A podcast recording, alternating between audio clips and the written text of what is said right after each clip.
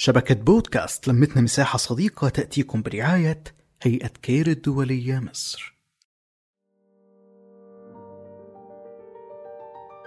أهلا بيكم في حلقة خاصة من بودكاست كلام من القلب من شبكة لمتنا المساحة الصديقة. أصواتنا قوتنا. معي أنا أماني أحمد.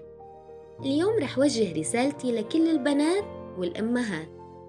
ورح نحكي عن ظاهرة منتشرة بمجتمعنا انتشار مخيف وهي زواج الأطفال أو الزواج المبكر. أول ما بيتبادر لذهننا كلمة زواج الأطفال هو طفلة قاعدة على المرجوحة عم تلعب أو بنوتة عم تلعب مع رفقاتها. كل شي بالدنيا لازم يمر بمراحل حتى يكمل. من ضمن مراحل تكوين البنت هي مرحلة الطفولة والمراهقة. لازم تتكون شخصيتها وتنضج. وتكون مسؤولة عن أسرة وبيت لما منزوجها وهي طفلة.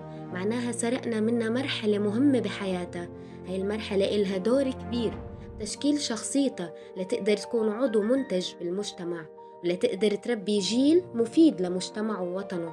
زواج الأطفال جريمة بحق الإنسانية. نسمع قصص بائسة وحزينة ومنشوف قصص على شاشات التلفاز والسينما ومنشوفها أكتر بالواقع من حوالينا. منحزن منتأثر منبكي حال الطفلة يلي انسرق منا كل شي يلي ضاع منا مستقبلها من إيديها بمباركة أهلها وعلى أنغام الموسيقى والزغاريد بمر أمام أعين الفتاة كشريط انتهى سريعا دون مقدمات.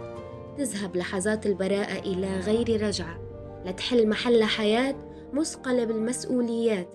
كل يوم بتتكرر ذات المأساة بحذافيرها الفستان الأبيض اللي بيفتك بمن ترتديه. ويتحول فجأة من حلم لكابوس برافقة بقية عمرة. زواج الأطفال يعتبر نتيجة طبيعية لعدم المساواة المترسخ بين الجنسين ويجعل البنات أكثر تضررا من هاي الممارسة. البنت محتاجة التربية والاهتمام والحب والرعاية. لا تسرقوا الطفولة وتقتلوا روح وقلب الطفلة لما بتنجبر على الزواج المبكر. لا تخلوا الضغوط المادية والاجتماعية وقلة الوعي. تقتل قلب وروح الطفلة.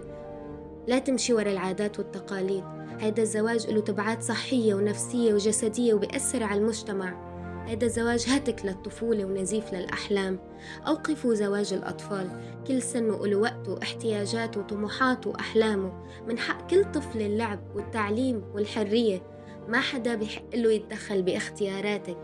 انتي صاحبة القرار. آخر رسالتي بوجه نصيحة لكل أم.